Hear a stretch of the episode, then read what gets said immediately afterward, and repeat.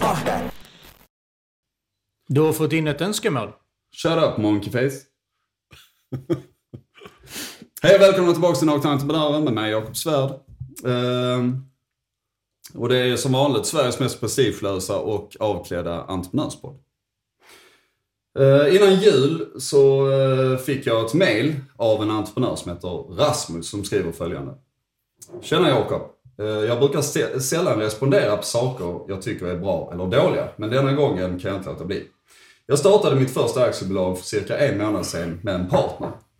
Den vägledningen ni ger i poddarna är helt fenomenal. Både kul att få bekräftat saker som vi har skapat, som ni förespråkar och bitar vi har missat eller gjort mindre bra. Samt podden är väldigt avslappnad och underhållande att lyssna på. Jag saknar dock lite nakenhet, skriver han. Så ni får gärna dyka ner i de mer obehagliga frågorna som rör det här rockstarlivet. Och det har vi ju pratat om, här med rockstjärneriet. Och, och, eh, men framförallt då, eh, jag vill att ni tar upp ämnet, kan man växa för snabbt? Eh, kanske kan bolla lite idéer på hur man ska tänka i en tillväxtfas. När är det dags att anställa och vilka varningstecken bör man hålla koll på? Svinbra jobbat! Jag tror inte man får säga det för Facebook, men vi säger det ändå. Vi ser vad som händer. Svinbra jobbat! Ja, men jag svär ändå så sprang jag. Kul att följa hur det utvecklas. Kör hårt. Så tack så hemskt mycket Rasmus. Eh, vi blev så otroligt glada över detta, över ditt mejl Rasmus, så vi planerade omgående avsnittet och nu är vi här. Eh, och det blir lite längre intro för mig, för nu ska jag säga, jag har med mig eh, Michel Masadakis och Peter Arndt. Peter Arndt är entre- seriell entreprenör och ingenjör. Stämmer. Eh, och har jättemycket att göra. Han vill egentligen bara gå härifrån. för han hinner inte med det. Men det spelar inte, det skiter vi i, jag och Mishan. För jag har hur mycket tid som helst. Det är rockstjärnet. I värsta fall, vi har jättelång sladd så han kan ta med sig mikrofonen i bilen. Så köra iväg. Ja, ja. Bara rulla på en sån spole. Ja, du har en sån jättestor där ute. Det räcker ända ner till, till hans kontor i Malmö. Ja. Men det fixar vi. Det Det fixar- vi. Men det är i värsta fall. I värsta fall. Eh, för det första, jag vill bara adressera rockstjärnehistorierna. Eh, de finns inte. Av den anledningen att, ja, eh, entreprenören är den nya rockstjärnan därför att det är många människor som ser upp till entreprenörer tydligen. Därför eh, kallar man det. Men visst, finns det några historier skulle jag kalla dem snarare Spinal Tap-liknande. För er som inte har sett eh, filmen Spinal Tap så är det ju ja, man driver ju med hela den här rockstjärnegrejen eh, i överdrift då naturligtvis. Så det, jag kan bjuda på en historia då. Men jag, är- jag, jag förstår inte riktigt frågan. Alltså vadå för rockstjärna? Ja men ärligt, berätta lite mer om när det blev... Okej, jag ska dra ett exempel. Ett jätte, sån här spinal tap moment för mig, det är att när jag får eh, ansvaret i ett av våra företag att skapa personalhandboken. Därför det ska finnas på plats liksom. Och då, då sitter man där som entreprenör, men jag är ingen HR-människa. Alltså, så man tar ju bara sådär, ja men det här låter ju bra. För man hade jag hört andra bolag då som var såhär, ah, eh, Man ska, inte ha, man ska inte tillåta att man har förhållande på företaget. Det är en bra grej att ha i personalen. Du får inte lov att ligga med, med någon då. Och så då skrev jag in det i vår personalhandbok. Sen tog det typ ett år, sen träffade jag min fru där ju. är du med? Ja, du kommer ihåg det. Och vad gör man då? Ja, då går man bara in och ändrar personalhandboken. Och säger att det absolut är tillåtet. Visst är det Det är fantastiskt? till och med Så uppmuntrande. där har du en spinal tap. Sen kan jag berätta, ska jag dra den också om dig Mischa, när du köpte oförsvarliga mängder champagne på en eh, nattklubb. Jaha, det är typ sådana flär, flärdehistorier. Ja. liksom. Flärden i den historien det är att när han efter nattklubbsbesöket, när han har beställt in champagne för tusentals kronor och kommer till en korvkiosk, saknar pengar för att betala korven som han köper, ramlar på cykeln, sedermera utanför korvkiosken. Med korven i handen. Det är också Spinal Tap. Rockstjärnan. Var du med när jag köpte korv? Nej. Jaha, det är jag. jag, Jag jag, är jag väldigt glad att jag, jag, jag gick innan du började köpa champagne. Men faktum är alltså, det var, det var, det var tur champagnen tog slut på uh, nattklubben. Mm.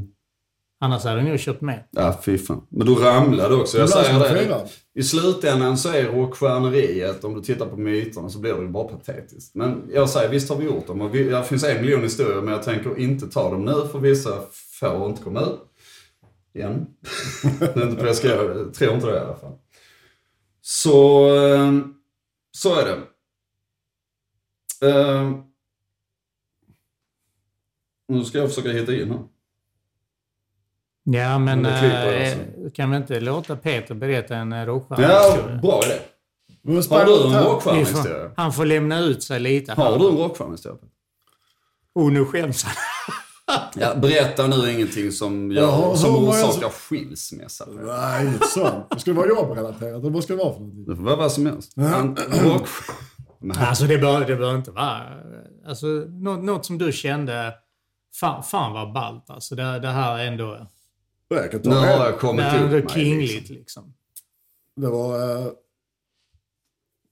vi gjorde ett fantastiskt första bokslut en gång när vi startade ett bolag.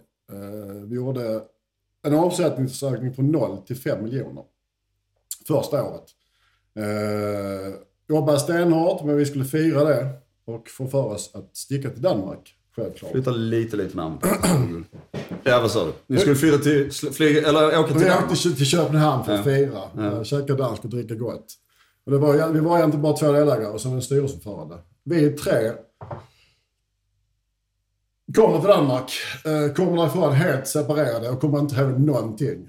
Det enda roliga med det är att den ena träffade faktiskt- sin blivande fru. Ja, där. kväll. Gjorde du? Nej, inte jag. Utan En gjorde det. en gjorde det. Så det var inte Ja, Alexandra som var Nej, med? nej, nej. Hon var inte med på den tiden tror jag. Ja. Då var det bra, eh, bra firande. Det var fruktansvärt. Men det var kul. Ja, men alla har varit där. Så är det. Nu ska vi övergå till, till dagens ämne då. För Rasmus önskar eh, att vi ska då konstatera. När ska man anställa eh, och, och, och växa? Och vilka varningstecken finns det på att det här växer för fort eller det blir Jag får negativa bort konsekvenser? här för jag svettas som en gris idag. Ja, men det gör ingenting. Det är bara sexigt. Eller hur? Ja, det är lite krydda i podden idag alltså. Peter svettas. Nu så. Nu har vi öppnat så Peter får luft. Nu Så, kör vi. nu ska vi Men fortsätta. frå, frågan var... Frå, han, den första frågan han ställer, kan man växa för fort? Vad är svaret på den? Ja, det är klart. Ja. Eller? Absolut. Ja. Peter är här idag för att vi vet att du har gjort det. Flera gånger. Flera gånger. Men eh, man ska egentligen inte börja frågan så. Man ska egentligen börja frågan med varför man vill jobba snabbt. Eller växa snabbt istället.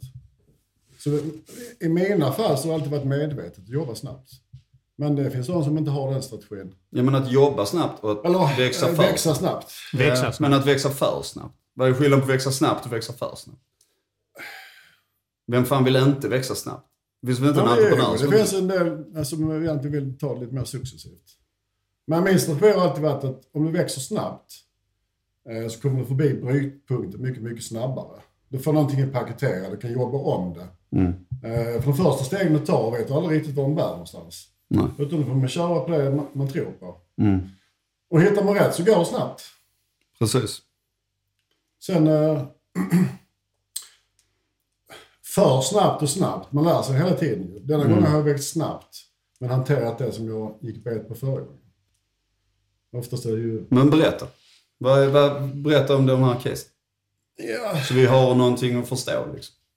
Vad var första Jo. gången när du växte för snabbt? Ja, det, det var en liknande bolag som IOM nu, ett produktutvecklingsbolag.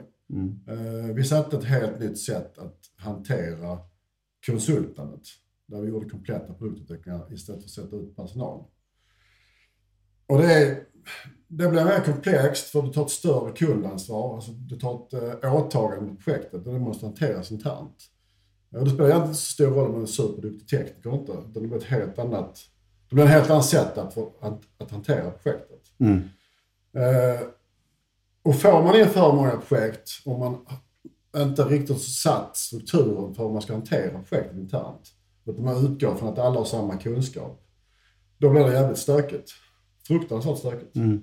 Eh, så det tog, det tog faktiskt rätt många år innan vi förstod oss på varför lyckades vi med vissa, med vissa projekt och varför misslyckas vi med andra projekt. Mm. Så egentligen så hade ni ingen beprövad metodik som ni kunde liksom Jo, det hade vi. internutbilda på hur ni sköter rätt. Liksom. Eller hur, hur er metod ser ut. Så, så att ni kan, nya människor kan gå in i det direkt och, och eh, bli framgångsrika. Nej, ingenting av det var ju nedskrivet. Det satt egentligen väggarna. Och det satt egentligen baserat på eh, han jag startade bolaget med och min erfarenhet hur man driver projekt. Och hur vi vill egentligen se till att leverera det. Och det, det är lika svårt än idag för man kan inte riktigt skriva ner det. Utan det blir ett, eh, ett arbetssätt som gruppen formar. Och den gruppen blir egentligen hjärtat för att kunna... Blir det kultur? Är det det du pratar Det om? blir då? kultur och man måste ha förståelse för så många fler saker än just bara tekniken. Bara kundmötena, alltså att, att hantera olika kunders eh, kravställningar i projekten skiljer sig. Eh, så det handlar snarare om att eh, det handlar snarare om att se signalerna eh, ur ett kundbehovsperspektiv. Den kunden behöver den här typen av servicen. Han kanske vill, vill jag eh, svarar omgående. Vissa kanske blir störda om man presenterar för många idéer för de tycker att det är vårt jobb. Det finns jättemånga sådana små saker som gör att projektet lyckas. Men utfallet av det kan man säga att ska man jobba med den typen av komplex produktutveckling så måste man ha en, en homogen grupp som hittar sitt sätt att jobba på. Och ska man ta in nya människor i den gruppen så får gruppen lära upp, lära upp personen. Det går inte att skriva i en handbok hur man gör utan Nej, man, precis. man lär sig det. Och det är gruppen som egentligen är den som är ansvarig. Hela gruppen är ansvarig för att lära människor, alltså den nya människan rätt kultur, rätt förhållningssätt, eh, code Ja. of conduct, allt, alla de här grejerna. Det är egentligen ett kollektivt gruppansvar skulle man kunna säga. Ja, det blir det. Eh, Om man ska leverera den typen av tjänster. Hur många grupper hade ni i ett bolag? Vi delade in oss, vi var runt 45 personer när vi sålde det bolaget. Då hade vi delat in oss i avdelningar. Eh, mekanik, elektronik och industridesign. Eh, så hade varje grupp en gruppledare. Men sen jobbar vi ju konceptuellt och för att kunna jobba konceptuellt så bildar man unika grupper för varje projekt. Som jobbar specifikt med att lösa de problemställningarna. Just det. Och där kommer den eh, nackdelen med att jobba för snabbt. Det tar ju tid för alla att, ja, för det första lära känna varandra. Eh, och alla de egenskaperna alla personer har. Men också förstå gruppens dynamik så att det blir bra. Och där gick vi bet ett antal gånger faktiskt. Hur då? Alltså vad är det ni Leveranserna missar? blev för dåliga. Leveranserna mot kunder blev för dåliga helt enkelt. Eh, Det blev inte något vi var stolta över att, att eh, stå för. Nej, det är nog det. Eh, Detta resten- tror jag är jävligt vanligt. Och det resulterade i kundförluster som vi var tvungna att ta för att vi kände att det här inte, vi, vi kan inte stå för detta. Eh, Men det resulterade också i att vi fick in uppdrag, vi levererade så gott vi bara kunde. Vi fick någonting att paketera. Det är en lärande process. Vi, vi lärde oss av att köra projekten och bli bättre och bättre. Hade det varit samma grupp så hade vi inte kunnat expandera. Nej. Så att, eh, ja, så någonting. Och det blir tråkiga stories. Men det handlar ju egentligen om att man har inte förmågan av att ta emot för många personer samtidigt. Om inte strukturen är gammal nog, mogen nog, nog att förstå. Precis. Eh, Sen finns det ju konsultbolag som kan växa extremt snabbt som jobbar på helt andra sätt. Som bara sätter ut i förhållande till, till vad kunden har för behov ute hos kunden själv. Och då, då stöter man inte på de här problemställningarna. Så det är egentligen lite där. Och Det, det är också anledningen till varför man inte ser så många bolag jobba med inhouse-projekt. För det är komplext och för det funkar. Just det. Och det handlar inte bara om... Alltså är det bättre i det läget att ha en konsult ute hos kunden? Kan man ja, säga. det är tio gånger lättare för det ligger ansvar på kunden. Att få konsulten att fungera liksom. Ja, kunden lä- lägger ju uppdrag på ingenjörer och ingenjören gör sitt jobb. Eh, han är inte riktigt en del, eller hon, inte en riktig del av eh, varumärket som vi står för. Han levererar egentligen bara sin kunskap på plats till kund. Mm. Och ingår egentligen i deras personalsystem och allt det där. Nej, precis. Du Michel, vad säger du? Har du någon eh, erfarenhet av det? Att växa för snabbt? Mm. Ja, det... Ja, definitivt på olika bolag. Ehm, och jag, eh, jag gillar din utgångspunkt där, alltså att, att ställa sig frågan varför, varför man växer egentligen. Och någonstans, alltså, sättet jag gillar på att växa är ju när marknaden vill att man ska växa lite. Ehm, Det vill säga att, att när man känner att behovet och tjänsten och produkten man till, tillhandahåller eh, ökar, då tycker jag man ska växa.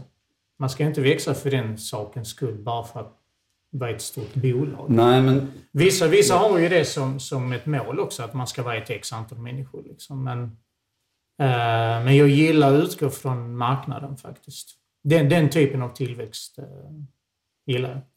Sen är ju tillväxt alltid ett antagande. Alltså man, man, man är ju ett x antal människor idag och man vet att det funkar på ett visst sätt och sen antar man om vi anställer x antal människor som ska jobba på det här sättet så kommer marknaden att följa med. Det vill säga att kunderna kommer vilja att köpa det man tillhandahåller. Så det är ju alltid, det är alltid en risk att växa. Så är det. Och det, det är egentligen den risken som många väljer att inte ta när man inte vill växa. Mm. Eh, Det, Ja, men då är du rädslodriven i ditt beslut. ja, eller, ja alltså man, det, det är klart att alla människor kalkylerar på något sätt. Liksom, och säger, är det värt det? Är det Du vet, man, man, man, man säger ri- risken, vad är risken? Jo, det, det finns ekonomisk risk. Det finns eh, risk att det tar för mycket tid. Det finns risk att man anställer fel människor. Alltså det, den, de riskerna, de människorna som väljer att inte växa eh, tycker att riskerna är för höga. Eh, om man jämför med eh, fördelarna. Så att det, det är klart att, att det alltid är en avvägning. Och så är det ju i våra bolag också när, när vi har diskuterat. Ska vi växa på det här sättet eller så? Så, så är det ju alltid en diskussion om avvägning. Ska vi verkligen satsa och öppna ett nytt kontor? Precis. ja. Eh, kon, här är- Kontra vad vi får för, för, för, liksom för fördelar med det. Nu är du inne på en intressant tycker jag det här och därför du börjar prata ett nytt kontor. Vi, vi utgår från att vi sitter på en, en sajt kan vi säga. Vi har ett kontor. Där kan jobba 10, 20, 30, 40, 50 människor. Men så kommer det en dag där eh, du ser ett behov av att växa, starta ett kontor på annan ort. Och nu, enligt mig, börjar det bli farligt eller vanskligt. Liksom. Därför Kostsamt om du har fel. ja, och det har vi gjort. Det kan jag säga. Ja, det, är mycket, det är mycket högre risk att ha eh, en annan sajt såklart eftersom Därför du är inte på plats. Nej, därför att återigen, och detta är ytterligare ett avsnitt som är planerat att vi ska spela in. Det handlar om successionsordning. Därför att bara rekrytera in en människa som ska ta ett ansvar på något sätt är enligt mig jätte, jättesvårt. Nej, det är inte så. Att pinpointa profilen. Du kan återigen titta så här, vad har den här människan gjort innan? Ja, det ser ju fantastiskt ut. Men vi har sett att det inte funkar alla gånger. Ja, ibland är det en helt annan profil som... Ja, det är det. Och det är återigen som jag säger, jag tror att man måste titta oerhört mycket på attityd hos den människan du tänker växa med, oavsett vem det är och vilken roll den människan ska ha. Men successionen är så oerhört viktig, därför för mig handlar den om att avveckla sig själv, skapa nya ledare som kan få bolaget att växa. Och den är jättesvår eh, om du bara från scratch säger, nu ska vi starta, vi startar ett kontor i Göteborg en gång med fullständigt blanka papper för oss. Alltså människor vi inte hade någon som helst erfarenhet av. Och där hamnar man jättelätt i den här klassiska att okej, vi la 20% jobb på det som fungerade och 80% jobb som det som inte fungerade. Och faktum är att jag tror aldrig att vi egentligen fick riktigt rätt på det. Det är den känslan jag har fortfarande. Mycket jobb, lite resultat. Plus att det käkade upp allt upparbetat kapital som fanns. Det är, det är ju nackdelen med det. En felsatsning i det läget är ju, det äter ju upp hela ditt resultat på två sekunder. Så den är, den är känslig. Där har vi ju ett annat case där vi hade en lyckad sån, eh, Mario Persi som idag är VD på Telesol. Han har gjort, har gjort hela sin karriärsresa inne hos oss. Från att vara säljare upp till teamledare. Han ska få berätta den här historien för den är rätt fascinerande faktiskt, eh, när han ska gästa. Då. Ehm, Men när vi, han, i, i hans fall så kom han från Kristianstad. Han bodde i Kristianstad, jobbade hos oss i Malmö. Och han... Ehm, men han ville ju att vi skulle starta ett Kristianstadkontor. Men det var inga problem att göra det runt honom. Därför han kände ju bolaget lika mycket som vi själv gjorde och visste precis vilka, liksom. Så där, där var ju framgången egentligen. Att, att hitta rätt människa är att testa dem innan du sätter dem på så pass vanskliga uppdrag liksom. Skulle jag säga. Så kan man växa... Men det, där, det där gäller ju egentligen i alla sammanhang, för jag har sett det hos kunder eller egentligen bolag rent allmänt. Eh, Det kan sitta en fantastisk VD Mm. på ett bolag som får det att blomstra. Precis. Räcker han gå i pension? Det är, det är samma för restauranger egentligen. Mm. Om inte, denna, eh, om inte nästkommande person har samma driv eller tänk Mm. som den före så kommer det inte gå bra i, det, i, i, i den fasen. Ja, det är därför du aldrig kan ersätta dig själv. Jo, det kommer jag Nej, det tror jag inte. Jag gissar på att du inte klarar Visst. Så det där på panik ju. mm. Ja, men det är klart. Det, det, det, är ju det, det är det vakuumet som du pratar om. Men jag kan ge alla, alla lyssnare kan ge ett väldigt eh, konkret tips.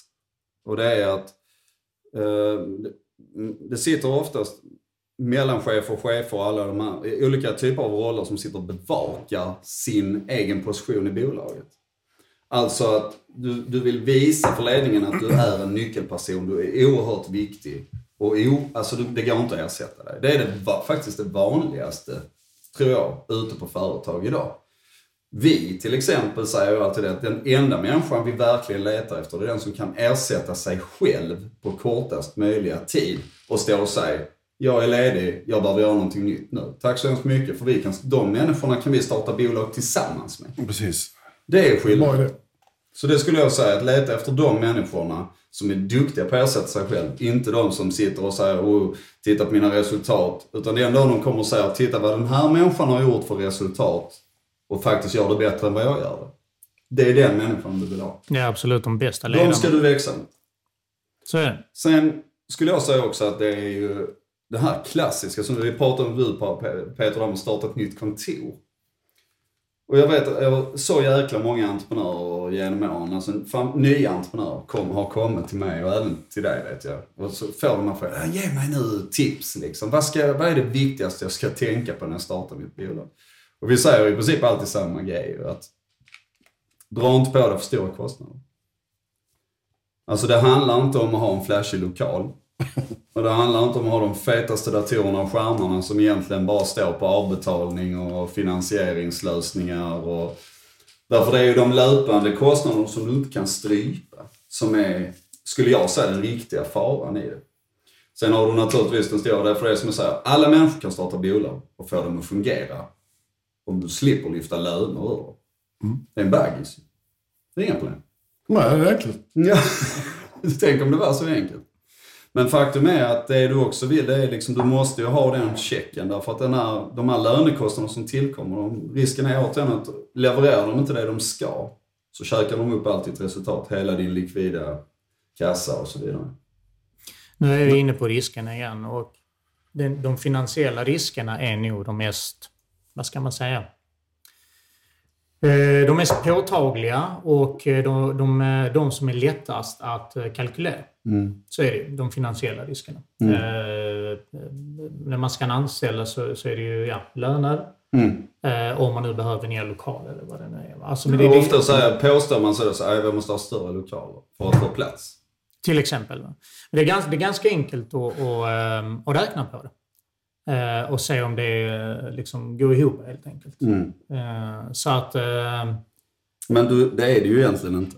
Därför att det är, det är lätt att räkna på det förutsatt att du vet att det du räknar på kommer att fungera. Ja, under några förutsättningar. Alltså ä- återigen, när, när man ska växa så antar man vissa saker. Ja, ja det. exakt. Och de, e- egentligen så, så, eh, för mig handlar det om att ställa de rätta frågorna. Ehm, när man gör de här antagandena för att minimera riskerna för, för alltså de finansiella riskerna. Eh, och där gäller det att vara väldigt, väldigt eh, medveten om, om, eh, om sin egen kapacitet, om bolagets kapacitet. Lite det du var inne på. Ni var ju inte riktigt medvetna i det teknikbolaget om metoden och vad det innebar egentligen att växa. Nej, det var... Du får prata in i den. Vi hade missat... Det är det som är eh, snarare Vi utgick för mycket för oss själva och vårt sätt att tänka kring det. Eh, och det, såg inte vi, det vi såg inte det som en risk, för vi visste att vi kunde det. Eh, men vi såg bristen när vi började anställa. Exakt. Det var någonting vi inte hade tagit höjd för. Och där måste man ställa de rätta frågorna. Hur mycket behöver en människa egentligen alltså, för att komma in i bolaget för att prestera? Där är man alltid väldigt, väldigt optimistisk. Det, det, Ja, det är man. Varför är man det? varför är man Ja, det? man vill ju. Så Men- den här det är klart. människan är helt Det rätt. här, det, här är, väl- det här är väl inte svårt, ja, men det är inte svårt att göra eller producera eller leverera så. Så där har du ett, ett antagande. Och man, man, man måste vara, och det där handlar lite om erfarenhet också. Är det första gången du anställer till en viss roll så är det klart att det blir fel på något sätt. Du vet ju inte, du bara gissar. Eh, Men om, om jag tar ett annat exempel, om vi ska anställa en säljare nu på Telesol till exempel. Alltså vi har så pass lång erfarenhet så vi vet ju på ett ungefär vad vi kan förvänta oss. Så är det ju. Eh, Så där handlar mycket om erfarenhet också. Ju, ju mer du växer, desto bättre blir du på att växa. Så är det ju. I början är det jättesvårt. För då blir de antaganden, vad ska jag säga, väldigt diffusa Nej, igen. men du har inte det du brukar kalla för ett proof of concept egentligen. Ja. Det är ju det det handlar om. Du vet inte exakt. Du Nej, sen, eh, säger man har ju idén när man börjar, i alla fall har det varit så för mig. Och den, det är en grund i det, får man nästan kalla det. För den formar sig lite på vägen. Mm. Och är man inte duktig nog på att inse det, att man måste anpassa idén, då kommer man aldrig växa. Så därför är de, de första stegen är ju helt jätteosäkra. Mm. Tills du förhoppningsvis hittar en punkt där "Ja, det här funkar, nu kör vi på det. Problemet är också att blir det fel i början så är skadan mycket, mycket större än om man är för Om det kommer sen ja. om, man, är- om det kommer sen liksom. eh, När, när man är för Vad man baserar och du ska det på? anställa. Vad baserar du det på? Att det Ska du- ja, det är ren matematik. Om, om man är, ponera nu att man är ensamföretagare, du ska anställa Mm. Eh, en person. Det är ju en tillväxt på 100%. Mm. Med allt vad det innebär. Kostnader, risker. Så eh, procentuellt sett blir tillväxten större i början än vad du har kanske senare. Men Exakt. Och därför ökar risken med procentsatsen. Exakt. Mm. Så är det. Shit så insiktsfull han är. Han får inte vara Han är med. det. grym. Han är också, han är också väldigt kortväxt. Ja. Och det kan han inte hjälpa. Och det kan man inte, man kan tro att jag har varit att det finns ju de som basketspelare. växer för snabbt och sen så är det sådana som Mishan som inte växer alls. Fast jag, vä- jag växer faktiskt. Ja, men på bredden. Ja men det är snyggt. Ja. Du klarar. Men det jag tänkte på också som vi pratade om lite här med Telsey, för det finns återigen olika, Peter kommer från en värld, han pratar om här projekt och ändå kanske eh, människor som högutbildade har suttit på bra positioner innan det som vi i norm räknar som bra positioner. Tittar du på Telesol, där är det, blir det så opersonligt därför att där räknar man headcount. Därför att då räknar man bara att en säljare kan dra in så här mycket. Det innebär att har vi 40 så vet vi att 30% kommer inte att leverera detta, så kommer 50 och de kommer göra detta och så vidare. Men där kommer du in i, i vad jag menar är den stora, det är ju att växa för det är ju företagskultur. Du kommer in på de här grejerna som vi sa när vi växte med Telesol i början. Där har du en poäng. Vi växte, vi var inte så många. Vi berättade den här historien om när vi åkte till Barcelona och låg där och sa att nu, eh, tänk att nu kan vi göra detta och folk jobbar ändå så att bolaget drivs. Liksom. När vi var där i tre dagar och kommer hem och så var bolaget mer eller mindre i konkurs. Liksom. Allvar. Ja. Alltså du vet, de hade, alla var ju vänner med alla och någon hade legat med någon som den inte skulle med. Alltså du vet, fullständigt upp och ner. Det var bara att skicka iväg, börja om och... Ni tog så- glädjen i förskott. Va? Ni tog ut glädjen i förskott. Ja, Mishan gjorde ju det och in, han invaggade oss i en sån trygghet. I en falsk trygghet. Ja, och sen kom vi hem bara. Okej, kavla upp ärmarna och börja jobba igen. Det var, ja, det var. Men det är ju, Ja, men jävla- det- det jag är glad att det har hänt alltså. Jag tycker det är sjukt bra insikt. Att oavsett om det är som bolagsägare så kan du hamna i ett läge där du faktiskt måste ta, ta steget tillbaka Mm. och reda upp eh, någonting som har gått- snett. Du kommer aldrig ifrån det ansvaret. Ju. Nej. Eh, för i slutändan är det ägarna som, som sitter på problemställningen. Ju. Mm. Precis. Men eh, det, alltså det kommer, bara. det, kom, det, kommer ju, det, kom, det kommer ju hända någon gång. Det där. Alltså att det brakar loss liksom. Och det, det, det behöver inte bero på alltså, interna saker. Det vill säga att... Nej.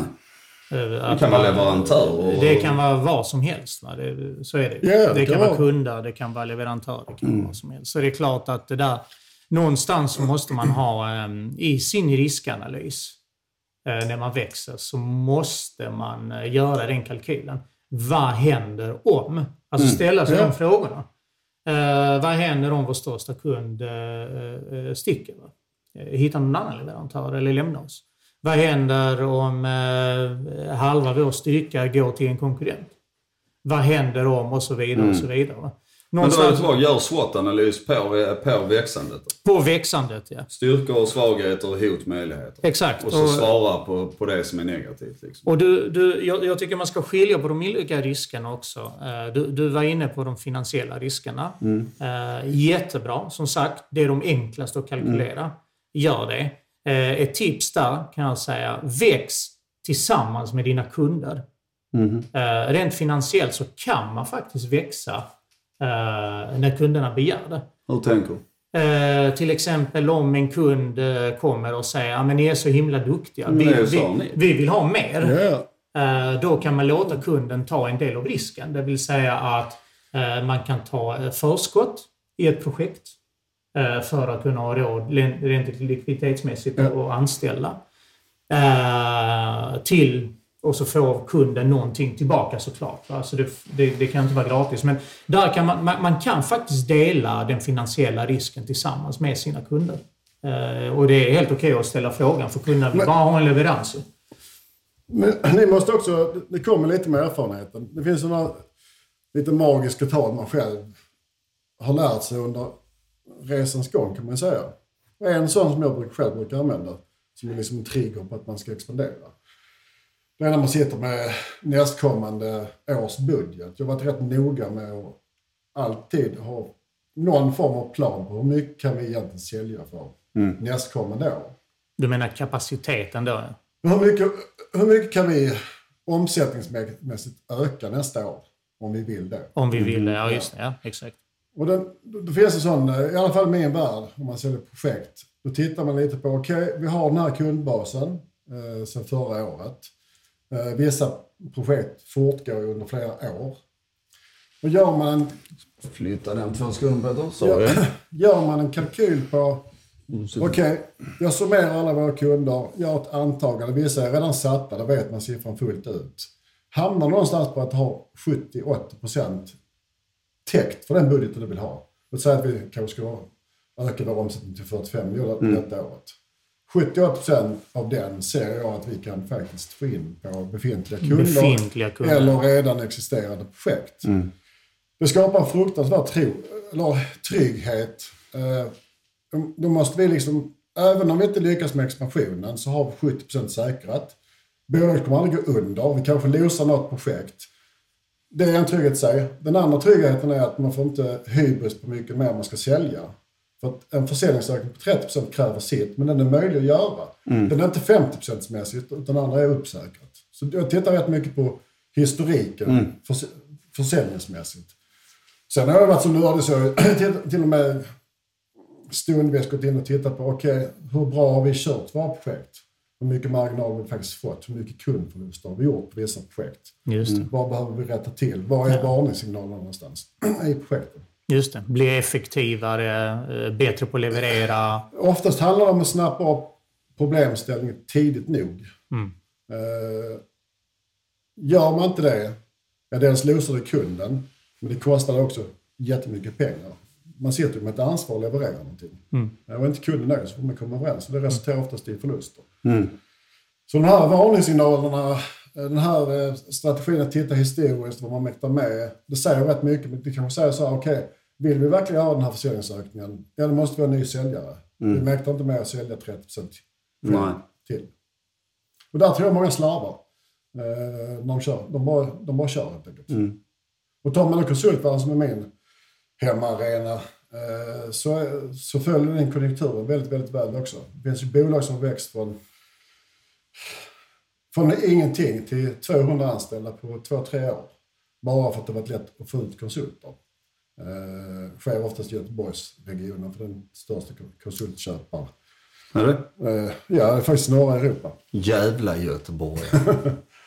Men det är också en extremt hög risk. Kolla vad covid gjorde. Nu blev det rätt så bra ändå, men Volvo bara stängde. Och en, en kund som Volvo sitter kanske med 2-3 tusen konsulter. Det är bara ut. Slut. Ja. Så det är också en- ja, en avvägning helt enkelt. Så ja. vet inte vad Ja, ska bra, bra tips. En annan eh, risk som du tog upp också, du kom in i det. Eh, och det är ju kultur. Och den är ju... Den är jättedyr kan jag säga. Den är dyr och den är väldigt, väldigt svår att, att dels förutse och dels, eh, vad ska man säga, eh, riskminimera. Hur gör man det? Det vill jag jättegärna det, veta. det, vill jag är inne på, jag är inne på samma, jag är inne på samma som jag sa, att det handlar om någon slags succession. Alltså att du måste, dina första rekryteringar är oerhört viktiga. Det är då du skapar dina personliga band till de här, kallar det bundsförvanter. Du har, ett, du har ett ord som du brukar använda. Ja, du får gärna säga det, för du kan inte säga du har ett ord som du. Ska jag gissa på ordet eller? Välkommen men- till podden Gissa ordet. Kulturbärare brukar du prata om. Ja. Det är oerhört viktigt. Alltså människor som proklamerar den kulturen som finns i bolaget till nyanställda. Som är en del Men av det, det. det där är ett sjukt intressant ämne. För att det blir ju alltid någon form av kultur. Mm. Förhoppningsvis en positiv sån. Den kan också spricka hur snabbt som helst. Men sen är det, Men- där är det olika för det finns ju bolag som enligt sig själv och deras anställda har en väldigt bra kultur men jag hade ju inte passat in där. Så, det är, ju- så är det ju. Ja. Men ligger det inte lite i sin sak att de du startar bolaget med, de måste ha en grundtro på att det faktiskt är bra människor som du trivs att jobba med. Sen är alla relationer olika. Det blir en olik kultur beroende på vilka pe- personer man jobbar med. Och det skapar förhoppningsvis den här shitet som håller ihop med bolaget. Alltså man ska inte tro någonting annat än att när man anställer människor för, för att växa så förändras kulturen. Så är det bara. Alltså du, du kan inte ha en... en om, om jag och du har ett bolag, Jakob, eh, och vi jobbar på ett visst sätt och vi har kört detta i ett år, så har vi ju skapat en kultur som finns. Eh, medveten eller omedveten, det spelar ingen roll. Men det nej. finns. Och så kommer Peter in i bolaget. Det är Och klart beter att- sig som en idiot. Som Nej, fullständigt. Nej, men alltså någonstans så är det så att, och det, det säger jag alltid, var övertydliga om vilka ni är eh, i bolaget. Det vill säga, jag, jag berättar allt vi är, hur vi jobbar, vad vi tror på, våra värderingar, hur vi jobbar. Men oavsett så blir det teoretiskt. Så är det. Ja. Och sen berättar du vem du är och hur du vill jobba och så vidare. Men om, om det där matchar någonstans i vårt samtal och det känns bra, liksom, så kommer du in i vårt gäng. Eh, och det är ganska stor ökning, alltså att gå från två till tre. Det vill säga att när du kommer in i vårt företag så förändras ju kulturen. Oavsett så förändras ju Oavsett om du vet hur vi jobbat eller inte. Och det är den synergin någonstans som man, vad ska jag säga, hoppas faller väl ut. Men du kan aldrig någonsin vara 100% säker. Du kan minimera riskerna genom liksom att lära känna varandra. Man kan liksom prova att jobba med varandra och så vidare. Alltså det finns olika sätt som man kan minimera riskerna, men du kan aldrig någonsin veta. Så varenda människa som du tar in i ett bolag gör att bolaget förändras i sin kultur. Den är Så- jätteviktig. så det Den vet är vi. jätteviktig. Det vet vi om Ja. att det är. Men förutom, när, det verkar ju vara så när man blir ett riktigt, riktigt stort bolag. Till exempel Apple och någon annan sån här. Där åker man ut för, man åker ur det bolaget om man inte accepterar Apples sätt att vara. Så det måste finnas sån, eh, en, när man kommer över en kritisk massa i storlek så blir det liksom, då blir det ett varumärke och en kultur som varumärket står för. Exakt. Som inte går att förändra. Precis. Sen finns det naturligtvis subkulturer inom de här stora Det kommer absolut finnas. Men jag kommer ihåg, eh, och det var en polare till dig som sa en gång, eh, han jobbar på IKEA. Ett bra sätt att få ögonen på sig och till och med liksom bli lite ovän med människor, det är att komma med en Porsche och parkera den på eh, parkeringsplatsen på IKEA. Den, det, det är en stick i ögonen. Ja, men det, det, du vet, det låter Ja, ja. kul, men det är så. Det finns vissa tydliga företagskulturer vad man får göra och inte göra. Eh, och det, det, det är klart att det finns en anledning till att stora bolag är framgångsrika. Och det är för att de har en stark företagskultur. Så är det ju. kan också vara deras nackdel när, det väl, när, när väl någonting händer i samhället som gör- måste göra att måste förändra sig. Då sitter- blir det tufft. Då, då sitter de kvar. Nej, men, ja, då sitter de kvar och då blir det tufft. Va? Så det gäller egentligen att vara som ledare i bolag. Det gäller och det gäller i alla bolag egentligen, om man, om man eh, om, om göra sin hemläxa och veta vad är det som händer i samhället. Hur väl eh, matchar vi i, i, i den marknaden då som vi verkar i. Du, du måste vara medveten om vad som händer runt omkring dig. Det finns ju bra exempel på bolag som inte var medvetna om vad som Det händer runt som om, helst. omkring sig. Och det går väldigt, väldigt fort Mm. eh, att tappa, eh, och, och tappa marknaden. Nokia är ett lysande exempel. Det gick på, på något år. Ja, från att vara typ Världsledande. Mm. Nu kommer jag inte ihåg procenten. sjukt. Jag kommer inte ihåg procenten, men någon som kommer ihåg deras payoff. eh, connecting people. Ja. Kommer inte ihåg den? Nokia, Connecting People. Eller ett annat eh, mobilmärke, så här, vi tillhör SVT. Eller vad heter det, sån public service podd. Så vi får inte lov att göra reklam, utan får vi säga Ja, eller, eller någon annan. Nå- Nokia eller någon annan. eller, eller någon annan telefontillverkare. kan det vara. Eh, Så företagskultur definitivt är en stor risk. Och, och, eh, den, den, jag önskar att jag hade bättre tips på, på hur man undviker den, men det, den, den vet jag inte. Jag, jag skulle säga återigen, det börjar från början. Men titta på, på de första av våra anställda som vi hade i Telesol. Alla är kvar i Telesol. Ja, då är det- Mario, Maurits. Därför att faktum Nej, ja, är... nej inte, inte alla. Inte det, det alla, är någon, men men de som hoppade av, hoppade av ganska snabbt Ja, kan och man det är säga. som jag säger, de andra har ju stannat och, och, eh, och faktum är ju så här att du ska nästan känna den känslan när du rekryterar dina första. Fan, jag älskar den här människan. Du det. Mm. måste jobba här liksom. Jag vill vara med den här personen. Det är ett tecken för mig att det här blir rätt. Alltså återigen, gå in och titta på de här CVn och säga så ja han har den kompetensen och ja den också och det funkar. Men, men det personlighetsmässigt känns det inte 100%. Gör inte.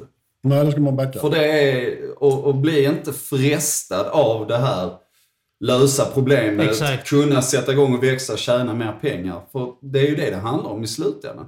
Det är ju så vi tittar på det när vi har växt. Alltså så, ja okej, vi gör den här affären på 20 man.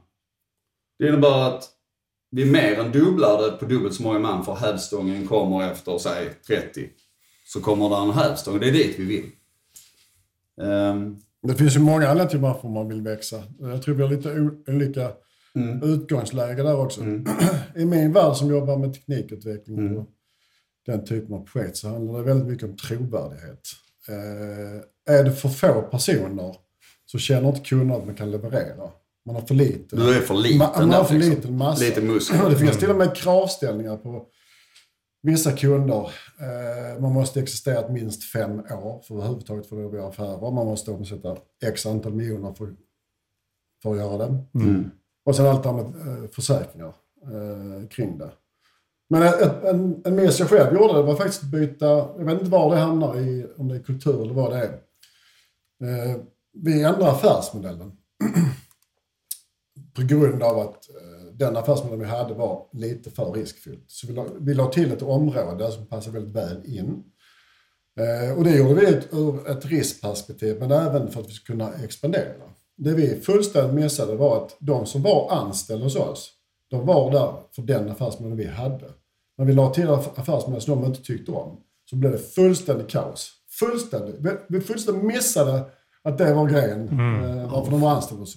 Shit, så intressant. Ja, det var, det var faktiskt helt sjukt. Jag blev helt ställd. Jag trodde inte det skulle ta så hårt på, på personalen. Mm. Hur löste ni det? Peter Thulén. Nej, vi fick, ju, vi fick faktiskt lova eh, någon av de anställda att enbart jobba i ena affärsområdet. Det de var egentligen anställda för.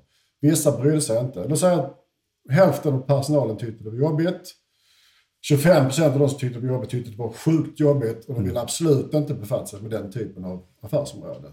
Resten brydde sig inte så jättemycket.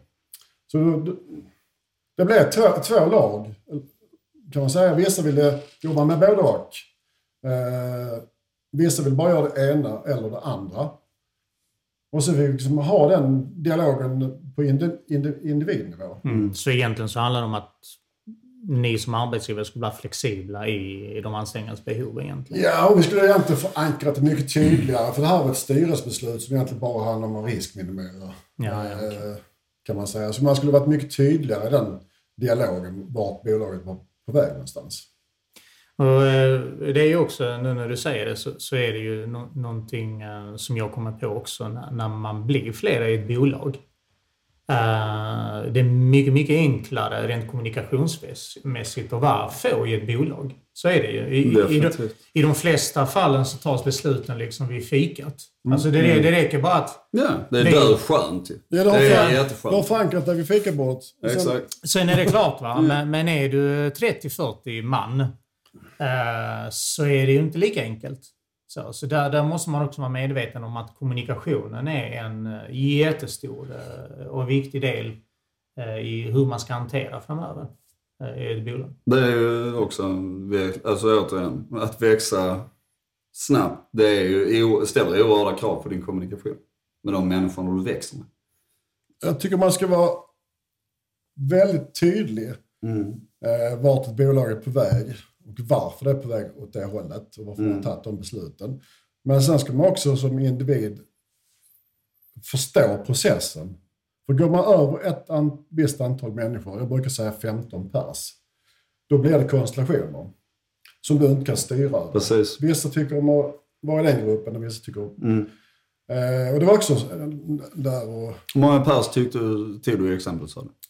Runt 15. Ja, det är ungefär vår bild också skulle jag säga, tills det, där det börjar bli prövningar liksom. Precis, och då blir det vissa konstellationer. Mm. Och det är väl helt fine, men man måste vara medveten om det och hantera det. Mm. Så att inte, för det kan bli alla konstiga konstellationer där vissa känner sig helt utanför.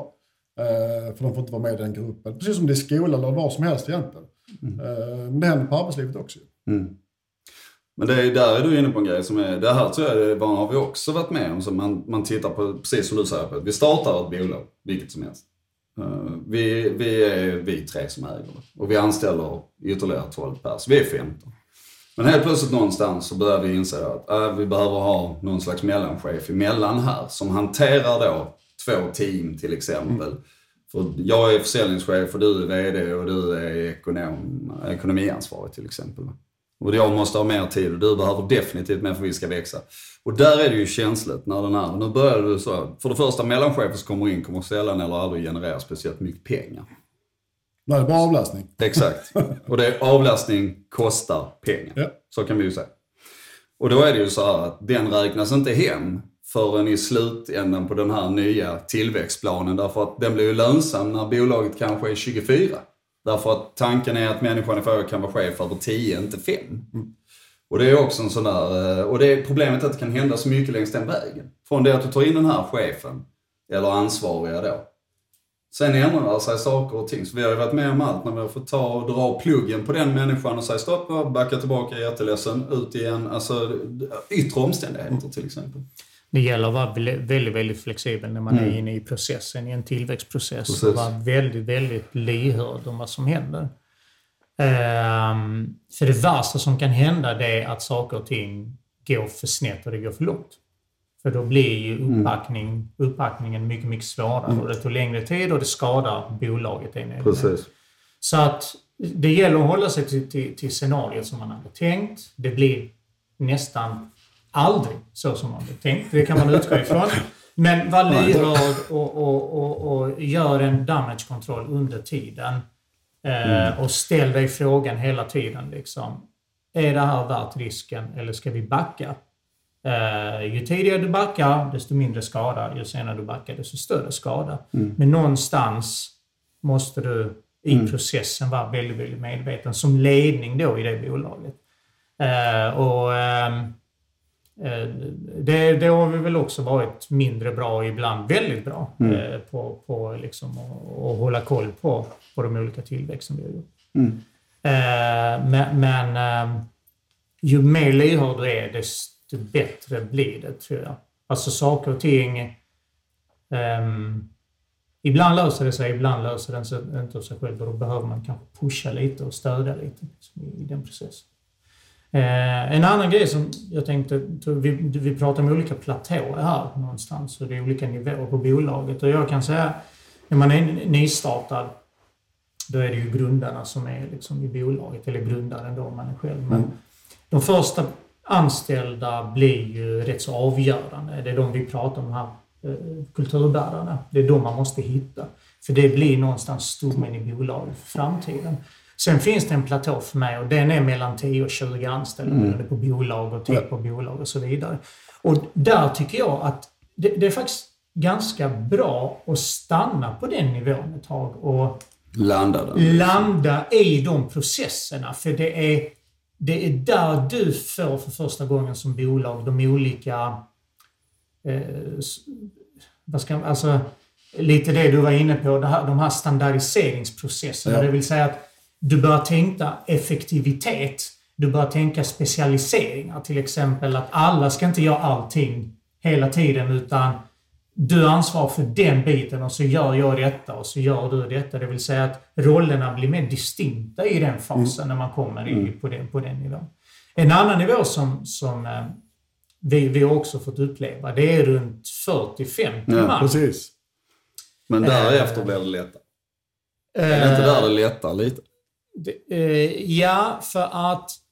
Och jag brukar säga, där, där, där har du nått en platå egentligen. Och där är det också bra att, att ligga ett tag och känna efter och se liksom hur, hur utvecklar sig bolaget, hur är kulturen? Det här med lyhördheten igen. Va? Känna efter. Eh, hur, hur- hur är läget nu? Eh, och där är det, där brukar jag säga så här.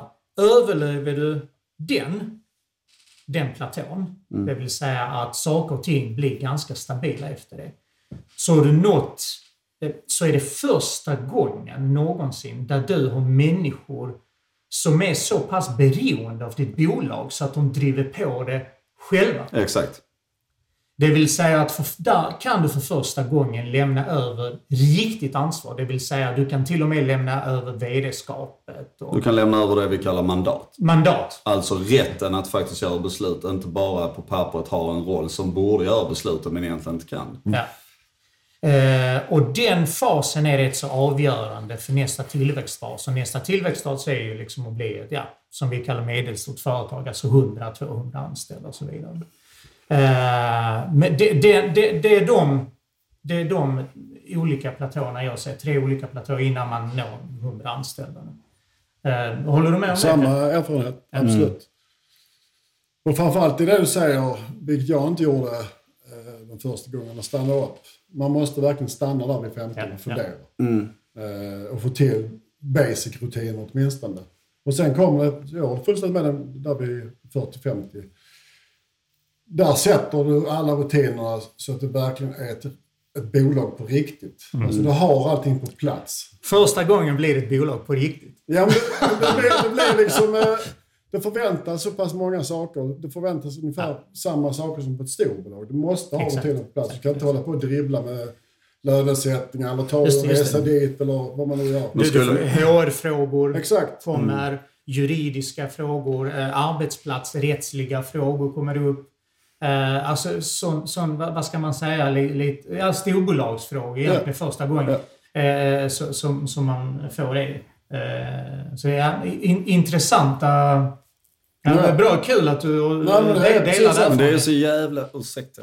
Det, alltså det, jag jag inser nu hur tråkigt jag tycker att det är just av den anledningen att, som vi sa där, när du bygger det här kärnteamet från början, den här magiska känslan som ni säger, du vet när man knäcker idén vid fikabordet med någon. Det behöver inte vara jag, det kan vara en anställd. Du vet bara, åh, passion och så vidare och så här. Och sen helt plötsligt vi uppe där, så här, då börjar du så här, jaha, har vi någon code of conduct?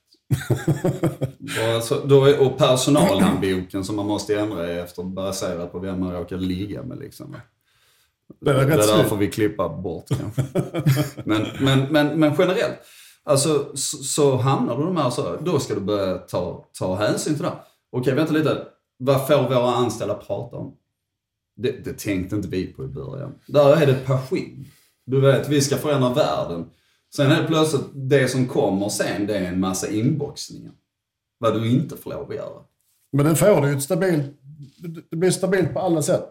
Exakt. Men man ska också vara fruktansvärt medveten om sina egna drivkrafter. ju. Eh, varför man själv är på bolaget. Ja. Exakt. Jag ska ju inte, den dagen, jag har ju insett det, att den dagen man når det, då ska jag ju inte vara kvar.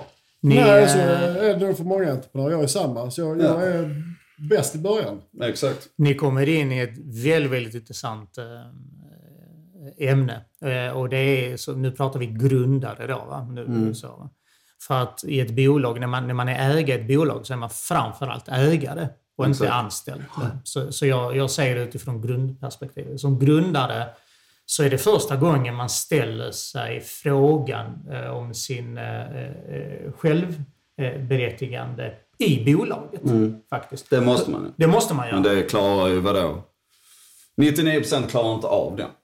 Nej, och nå, det, den, det, vet- jag Tur brukar vi är så få... jävla bra som klarar. Ja, ja, nej, ja, det, ja, det är väl, det är väl vad ska Nej, man säga? så. Det, jag, jag tror att det handlar om medvet, medvetenhet. För att Mm. Jag får ju frågan ibland, liksom, "Oj, jag vill växa bolaget. Och, speciellt bolag som är, som är i det här platån som vi pratar 15, där 10, 20, va? 15. Ja. Det steget är jättetufft. För Mm. det, alltså det ställer oerhörda krav, speciellt som ledare. Mm. För det, det, det är ett stort steg och jättestor risk också. Eh, Och jättemycket arbete. Alltså, Otroligt mycket arbete. mycket arbete. eh, och, och så f- frågar liksom... Skräm nu inte entreprenörer. Eh, Nej, men det ska man ve- veta. Skräm inte Rasmus. Så, och då, då får jag fråga, ja men fan jag vill ändå liksom, du vet, ligga där och ändå omsätta liksom, vad omsätter du när du är 40-50 man? va? Alltså mellan 50 och 100 miljoner liksom. Det är en sån magisk eh, siffra. 100 mil är ju en magisk siffra liksom. Så, eh, ja men vad ska jag tänka på? Hur ska jag göra? Och det är klart att jag vill lämna över ansvar och sådär. Och du vet, det första frågan jag ställer eh, till grundarna, det är, är du beredd och ge dig själv sparken. Ja, och då, då, eh, då blir de naturligtvis chockade. Vad fan, varför i helvete skulle jag ge mig själv sparken? Är du inte klok? För att det är jag som ska driva detta framåt och så vidare. Men det är inte det det innebär. Utan är du beredd att göra de förändringarna för bolaget som behövs? Och om du inser att någonstans att den begränsningen i att du inte kan växa är faktiskt dig själv. Är du beredd att stiga åt sidan? Eh, Är man inte öppen för det, skit i att växa. På allvar. bra. för, för att, Det här är jätteviktigt. ja, det, det, och det är helt okej. Du vet, här finns inte fel eller rätt. Jag bara säger, nej. är du inte beredd att ta det beslutet Nu vet jag vad så ska du skita i att Jag vet vad jag skulle säga nu. Det är det här att skilja på sina roller i ett företag. Ja, just Det det. är det det handlar Ja. om. Alltså, och för er som, som inte har varit med och gjort det, eller som lyssnar på detta här, så tänker man så här att om jag är, vi tar ett exempel, jag är försäljningschef som anställd i ett bolag. Men jag är också grundare av bolaget. Jag är ägare av bolaget, jag sitter i styrelsen och bolaget, i detta fall så är vi över 50, vilket innebär att det teoretiskt sett också har en ledningsgrupp. Och som Michel säger, det viktiga är att du är alltid ägare först. Du kommer inte in i styrelsen på ett styrelsemöte och är försäljningschefen. Det kan du inte vara. Du måste vara Eller, styrelse. eller ägare. Eller ägare. Men det är beroende på vilken, vilken hatt du sätter på dig. Dumstruten. Så. Ja men det är det ju. Alltså någonstans, är du ägare så sätter du ägardirektiv och säger det här ska bolaget göra. Det är helt o, alltså, oavsett vad jag som försäljningschef chef tycker och tänker. Och det är det du pratar om. Bara så att människor är med på skillnaden. Man måste skilja på, på de olika rollerna. Mm. Eh, och jag, jag säger inte att du ska själv, ge dig själv sparken som ägare. Du kommer alltid vara ägare. Så Ja, ja, oh, ja. Eh, sen finns det ju bolag som växer som inte har rätt ägare. Det finns också. Det ska man också ställa sig frågan. Vad för slags ägare behöver vi? Det kan ju vara så att man växer och att den finansiella risken är så pass hög så att man känner att amen, det kan vara så att vi kommer behöva mer kapital i bolaget. Eh, och det är då man tar in investerare till exempel. Eh, man har inte tillräckligt, eller inte rätt ägare i ägarskaran som kan tillgodose det kapitalet och då kanske man öppnar för nya ägare, det vill säga som kommer in med kapital. Det är också ett, ett ganska vanligt scenario. Så den frågan ska man också ställa sig, vad för slags ägare behöver vi bolaget när vi ska göra den tillväxtresan? Eh, Så det gäller egentligen alla rollerna. Eh, Det är en intressant fråga i sig. Hur man vill göra sin tillväxtresa. Vill man ta in investerare överhuvudtaget eller ska man växa i den takten man faktiskt mäktar med kapitalmässigt? Organisk tillväxt. Ja. Ja. Växa tillsammans med kunder och så vidare. Ja. Ja. Jag tycker den är trevligare. Alltid. Nummer två. Organisk tillväxt. Ja. Ja, jag gör För då får du svar på att du gör rätt. Att ta in investerare och fylla kassan, det är sin sak. Men det säger ingenting om att du gjort rätt med att övertyga investerare. Men jag har, aldrig, jag har aldrig byggt ett bolag med externa investerare. Någonsin.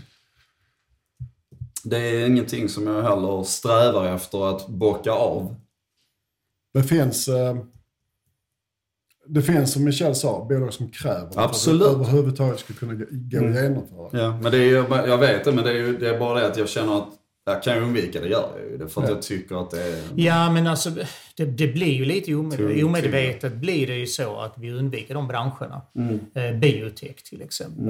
Eh, där, du, alltså, där behöver du så mycket pengar. Mm. Så att du kan, du kan inte ens ha en färdig eh, prototyp innan du, du har plöjt in miljoner liksom, i det. Sitt nu inte och säg att det är så, det vet inte du.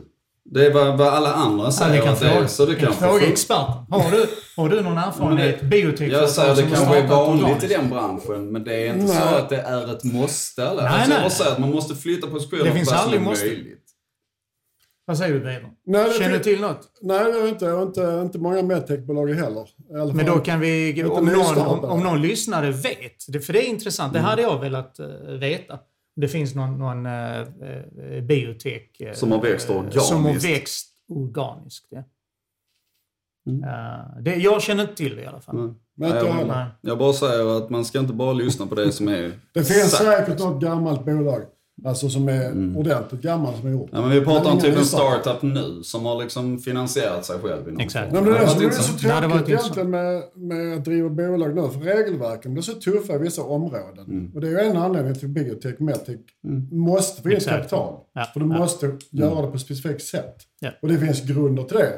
För det, i alla fall ur mitt perspektiv, så är de här regelverken skrivna av de stora medtechbolagen för att inte hålla, un, hålla under Exakt, startup- konkurrenterna. Det är så ju. Det är klart att det Och det är därför det skapas... lite patientsäkerhet också nej, förvisso. Ja, men det är så bisarra krav nu för tiden. Det är ju så att säga, det är ju, det är ju, så är det naturligtvis. De lägger ju enorma summor pengar på att göra det mer omständigt och byråkratiskt. Det är ju Mm, de som påverkar olika typer av instanser som ska godkänna olika typer för att andra, andra ska bli svårt för andra.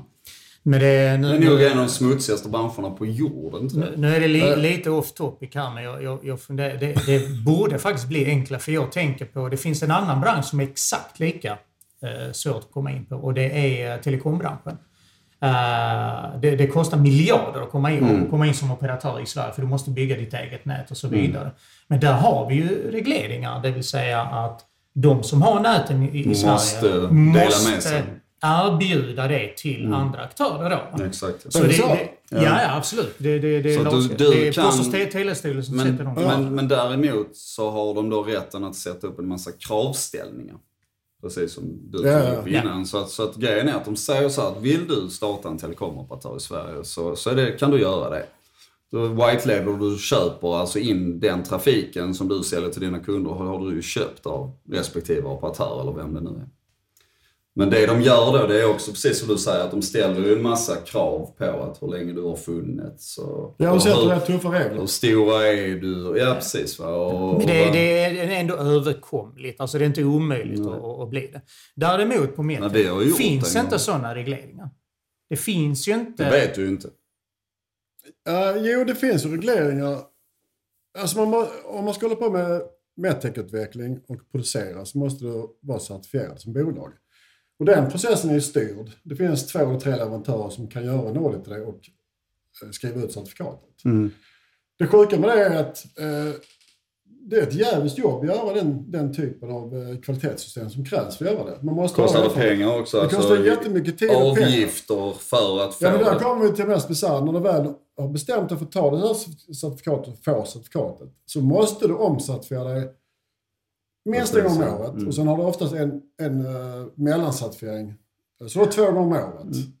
Och det är inget du kan tacka nej till. Nej. Och göra bara den, typen av certifiering igen, det kostar jättemycket pengar. De, de konsulterna... Och tid och... Och sen ska man ju veta att det här, ofta är ju de här lite konspiratoriskt så är det ju så att de skapas ju av, jag vet, eh, jag har en kompis som, som driver eh, ett bilskadecenter. Och de jobbar ju mycket med försäkringsärenden naturligtvis. Eh, Men då är det ju så här att ska du då få jobba med de försäkringarna så måste du köpa i princip all din utrustning via deras bolag som säljer den här utrustningen. Och det är samma utrustning man kan köpa själv, det är bara det att den är tio gånger dyrare. Men annars är du inte certifierad. Plus utbildning. Så att grejen är att många av de här handlar ju bara om att det är ytterligare instanser som ska tjäna pengar på dig. Det blir lite så. Ja. Ja. Ja, så är det ju. Och så är det nog i de flesta branscher tror jag, tyvärr. Men, men det är ju ett faktum. Men handlar det om tillväxt? Nej, jag sa att det var, jag sa att det var så. Jag gillar detta. Jag Ja. Men jag Ja. efterfrågar eh, eh, egentligen jag efterfrågar lägre trösklar vad gäller eh, biotek och Mm. Ja, biotek. precis. Definitivt. För trösklarna är alldeles, alldeles för höga. Ja, det har ju inte med expansion att göra. För att de trösklarna gör att du inte kan ta steget. Mm. Eh, Så är det. För det, det är stängt för nya initiativ. Jag har inte gjort den grejen innan eller har kunskap om vad Mm. det regelverket innebär så kostar det sjukt med pengar. Men sitter då, då som jag gör nu med OEM som faktiskt har jobbat med det i många år innan vi bestämde oss för att göra certifikatet. Mm. Vi kunde göra det betydligt snabbare än någon annan. Eh, och det ska inte riktigt vara så. Det blir lite ojämn konkurrens där kan jag tycka ibland. Och det sätter extrema hinder för att faktiskt eh, eh, expandera. Ja, så håll, det, koll, håll koll på... det eh, hemska här är ju de facto så att om du i den branschen skulle stå med ett botemedel för covid så är du fortfarande stängt. Ja. Det är ju det som är det hemska i det. Man, det är ju samma vi tittade på när OEM, eh, som Peter eh, driver ihop med Ali och Ash, eh, startar Pandemic Relief till exempel. Vi vet om att nu kan vi tillgodose vården med tre jäkligt snabba, bra och effektiva produkter som vi kan tillverka fort. Men stoppen blir direkt på det här. CE-märkt och det ska vara... Ja. Och du vet, ja men vänta nu, nu måste vi rädda liv va? Nej, nej vi, Ja, kör, finns vi, vi kör det byråkratiska först. Va? Det är jättekonstigt det där. Just, väldigt bra att du tog upp det med covid. För att Mm. Vårt regelverk i Sverige, vi hade ju jättemånga ga- gamla gasmasker som, som egentligen fung- fungerade under världskriget. Eh, men den CE-märkningen var felaktig, så de fick vi inte lov att använda. Mm. Det fick komma ett direktiv uppifrån att man fick göra De gick, undantag. ja, undantagen. Och De gick ifrån det blivit. Och där står man egentligen och väljer mellan, okej, ska jag använda någonting som är gammal CE-märkning på, eller ska folk dö? Ja, exakt. Precis. Det är rätt sjukt. Ja, men jag säger det. det är, problemet idag är att det är väldigt det är tungt att komma igenom i väldigt, väldigt många branscher. Det går, men det är tungt. Men nu ska vi försöka återgå till detta. Vad jag har, vad har vi med för um, risker uh, för att växa? Ja, vad säger du? Jag är lite Jag är trött. programvärd, det är Jag inte mitt jag- jobb att svara jag- på frågorna. Jag är lite trött på risker. Jag vill prata fördelar Med det. med att växa. Mm, Det är ju mer mycket, mycket roligare att prata om. Definitivt. Nej, det är det inte. Det är roligare att berätta om sina misslyckanden. Men skitsamma. Nej, det är... Alltså det, det, där, det där är också en attitydfråga. Eh, jag älskar ju tillväxt. Ja, det gör jag också. Det, det, alltså, Det, det, gör det, Peter också. Nej, men Ja, alltså det, det, det det, sitter i mig. Jag vill ju Nej, sa, se saker och ting utvecklas, växa. Jag vill framförallt se... Men det är ju liksom därför du är mä- entreprenör. människor- Det är ju det det går ut. Ja. Och det är för mig... Oavsett vad det är för bolag, oavsett vad det är för bransch och människor och sådär, så vill jag alltid växa. Det finns inbyggd i mig själv en, en, en driv. Jag tänker alltid, hur kan vi ta detta vidare till nästa steg? Ja, ja, det måste man. Och det är det som är det roliga.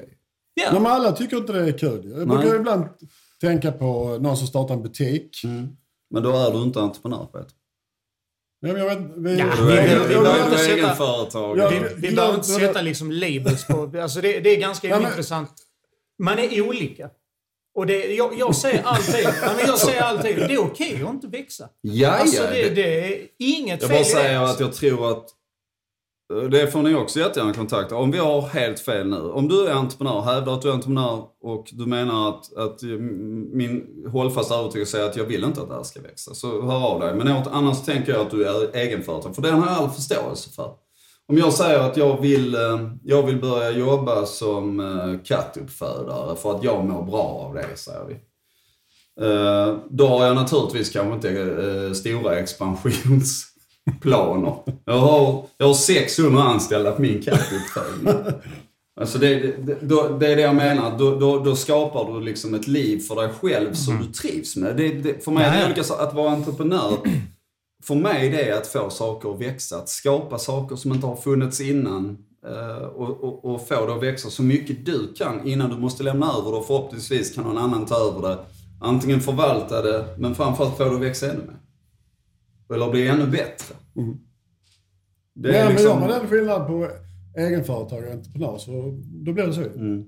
Men du, vi, ja, för att verkligen återgå så är det ju så OEM har ju växt. Hur mycket har ni växt eh, 2020? Eh, 43 procent. Ja, helt galet. Men jättemycket nya anställda och... Ja, vi gick från eh, 19 till 38. Det är- Alltså den är, ju- den är ju rå. Och där undrar jag, vad, vad, eh, konkret, fanns det någonting som var bra eller där du Ja, märkte alltså- att vi växte för fort? Har ni märkt det i detta fall? I detta, eller just i det här fallet så var vi rätt medvetna om riskerna som kunde ske. Mm. Eh, och sen har vi, har vi balanserat det mellan både att ta in projekt och sätta ut folk. Och det, och det gör det lite lättare. Så vi har inte alla folk av de här 19 att ta hand om internt själv. Men det som har hänt egentligen är det så vi har växt men vi släpar ju vi släpar rutinerna. Ja. Eh, vilket vi kommer få lida av detta året. För nu måste vi fatt. Det, det kommer att ställas en krav på oss. Mm. Eh, Så ni har också- inte riktigt känt det kommer att kännas mer? Vi vet ju, vi har ju det här uppe varje måndagsmöten, vilka punkter vi måste förbättra oss Mm. på. Vi har förbättringsprogram kan man säga, hela tiden. Eh, Det kommer upp nya bollar eh, Hela tiden? Ja, hela tiden, som vi måste hantera ju. Mm. Eh, Men vi är inne, inne lite på det du själv var inne på, att eh, vi måste ju anställa folk nu som gör att vi kan få lite avlastning, så vi kan få lite arbetsro och komma ifatt på de punkterna som faktiskt ligger på ens, på ens, eh, på ens arbetsbord. Mm. Eh, Och den processen har vi precis påbörjat. Mm. Ja, det ska bli jättespännande att se. Betyder det att, att den, den sån här kraftiga expansionen som ni har haft, liksom 40 procent, betyder det att den kommer avstå då? Eller hur, hur, hur, Det hur ser inte- ni på det? Nej, det ser inte ut och vi kommer att fortsätta expandera detta året rätt så kraftigt faktiskt. Okej. Eh, På grund av att vi sitter förmånen på projekt och förfrågningar. Så ni skiter i den platån helt enkelt? Ni bara kör? Ja, det kommer att bli lite så. Vi, vi skiter inte i platån utan vi rättar till de sakerna vi vet vi måste få på plats för att kunna känna oss trygga i den platån. Eh, Men det, det, det drar med sig allt. Det är nya lokaler, det är nya rutiner. Det blir ett mellanchefsnivå som måste på plats och det blir en annan ledningsgrupp. Alltså det är många av de grejerna. Och det kommer ju ta det här året för det Det, blir, det blir, kommer att bli tungt ju. Men ni Ja. kommer växa samtidigt som ni fixar de här grejerna? Ja, det gör vi. Ja. Ni växer vidare nu. Ja, det kommer att växa vidare. Och det är det som är imponerande tycker jag, att, att, att ni väljer att ta det steget trots att Men ni då vet... stannar ni ju inte på platån. Vi stannar inte på platån. men Det, det går inte... Det, det blir lite... Det är som att sätta igång bollen och rulla. Eh, vi har det konceptet vi står för och levererar. Mm. Kunder är intresserade av den.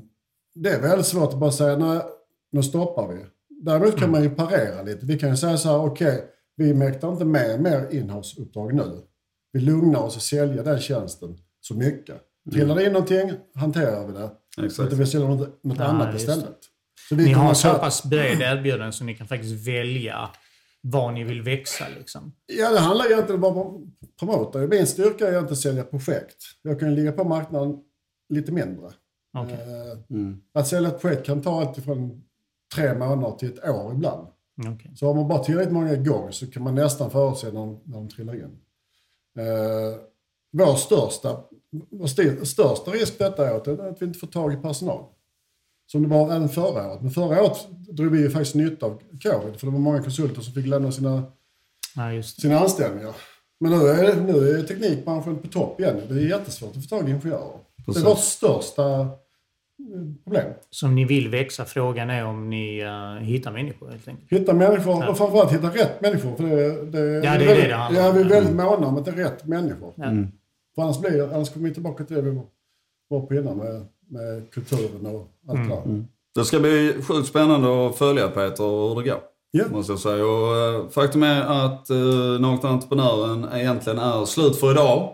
Har vi svarat på alla Rasmus frågor nu? Jag, känner- jag känner ett Alltså, ansvar med tanke på att vi har börjat prata om något helt annat mellan varven så hoppas jag ändå att Rasmus är nöjd. Men det, han återkopplar. Jag ska skicka till Rasmus. Vad var Ja, frågorna kul. egentligen? Risker. Det var ju expansion och vi, risker. vi har glömt bort dem. Eh, nej, alltså kan man växa för snabbt? Eh, när är det dags att anställa och vilka varningstecken bör man hålla koll på? Och Det, har- det har vi pratat om. Jag kan säga, jag ska återkoppla till en grej som kom lite grann. Det är återigen som jag säger till alla nya entreprenörer som Rasmus som har varit igång i en månad. Det är att eh, tillväxt absolut, men skapa inte, är det så att man behöver en ny lokal till exempel, eller i detta fallet kanske de sitter hemma, vi säger att de är två personer i detta fallet ju. Då sitter man ofta hemma, det gjorde vi i början. Det går ju inte att skaffa dig en lokal det Nej. första du gör. Jo, vissa gör men... Ja, och det har vi sett och jag kan säga, det har varit entreprenörer som jag har sagt detta till. Det första de gör är att skaffa en, en lokal på 250 kvadratmeter för 30 000 i månaden. Och så satt de där inne två personer och hade en tanke om att de skulle bli 30. Och sen tre månader efter så stod de och knackade på dörren och frågade om vi kunde rädda dem ifrån konkursen. Så sa vi, det kan vi inte. uh, tyvärr. Därför vi vill inte ta över era, era fordringar. Rent ut sagt som ni har dragit på er. Och där är ju hållfasta tips kan jag säga så här att behöver du en lokal, börja litet, sitt jäkligt trångt, det skapar företagskultur. Inte i covid-perioden kanske. Då är det dumt att sitta på varandra. Men generellt. Och faktum är så här, prata med ditt hyresbolag och säg så här, vi är nystartade, det här är en satsning. Även när du startar ett nytt kontor säger du det. Och säger, för det första så vill vi inte, för de vill ju bara sätta det på 36, 48 och 60 månaders hyresavtal för, för det. Och då är det bättre att säga att, då är det bättre att ni sätter ett lite högre pris till oss. Och vi vill bara ha ett 6 månaders kontrakt. Därför att vi måste utvärdera detta här. Mm. Du har fortfarande som kund all möjlighet att säga, vi vill ha en trapphyra, vi vill inte betala max från början och vi vill bara ha sex månaders kontrakt. Och lyckas denna satsningen så kommer vi växa mer. Samma sak, se till att du har ett avtal som är flexibelt. Ligger du som större hyresvärd, se till att du under avtalstiden att det är en hyresvärd som kan hjälpa dig att byta lokal. Och det ska kunna gå att skala både uppåt och neråt. Och är det en långsiktig hyresvärd så hjälper de dig med det.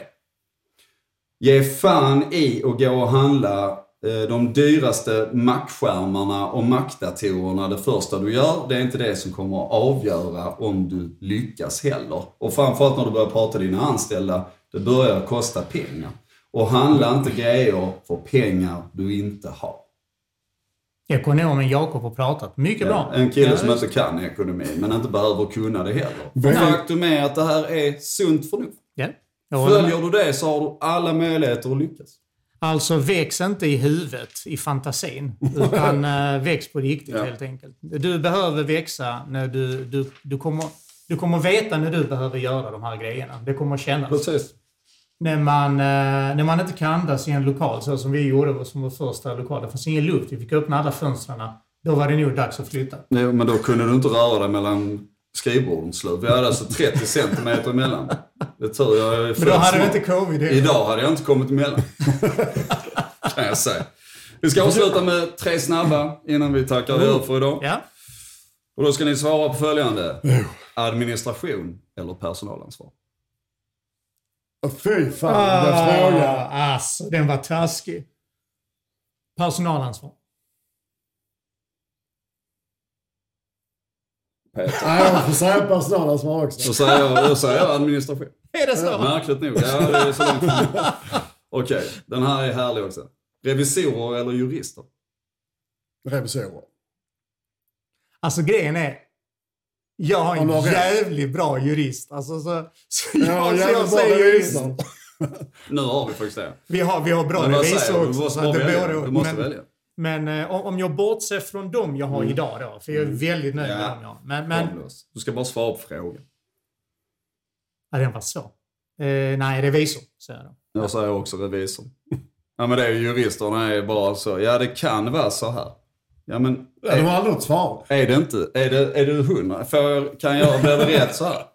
Det kan bli rätt. Och sen bara så, här har du 57 000 kronor i faktura för att jag har suttit så. Aktieutdelning eller julafton? Va? Den fattar för, förstod Men jag. du får välja två saker. Vad föredrar du? Aktieutdelning eller julafton?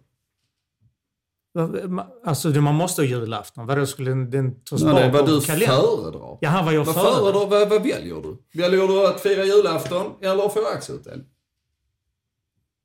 Nej, jag älskar julafton, så jag säger julafton. Jag skriver här att du är inkompetent då. Jaha, det fanns fel och rätt svar. ja, ja. Men det- De, de två går inte att svara på. De behöver inte Ja, samma- alltså det, det, samma det, för mig det är ett samband. Jag, jag, Är det ett samma Det sak? spelar ingen roll. Det- det- Det, det är samma det sak. spelar ingen roll, det är ett samband. Det Det, är klappar det, blir, det, klappar blir, ju. det blir julafton Ja. när man får... ja, det är, precis. Är det inte det som kanske är det underförstådda? Att det är julafton om det blir en aktieutdelning? Och aktieutdelningen överensstämmer med dina förväntningar. Ja, okej. Eller- Får, får man ändra sig, då tar jag aktieutdelning.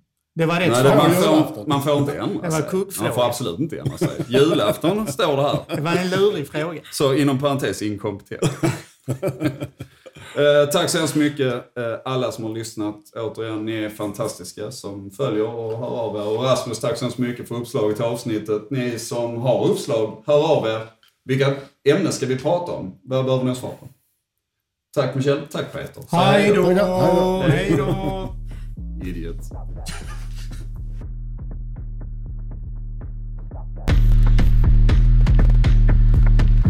då! Idiot. Stop that.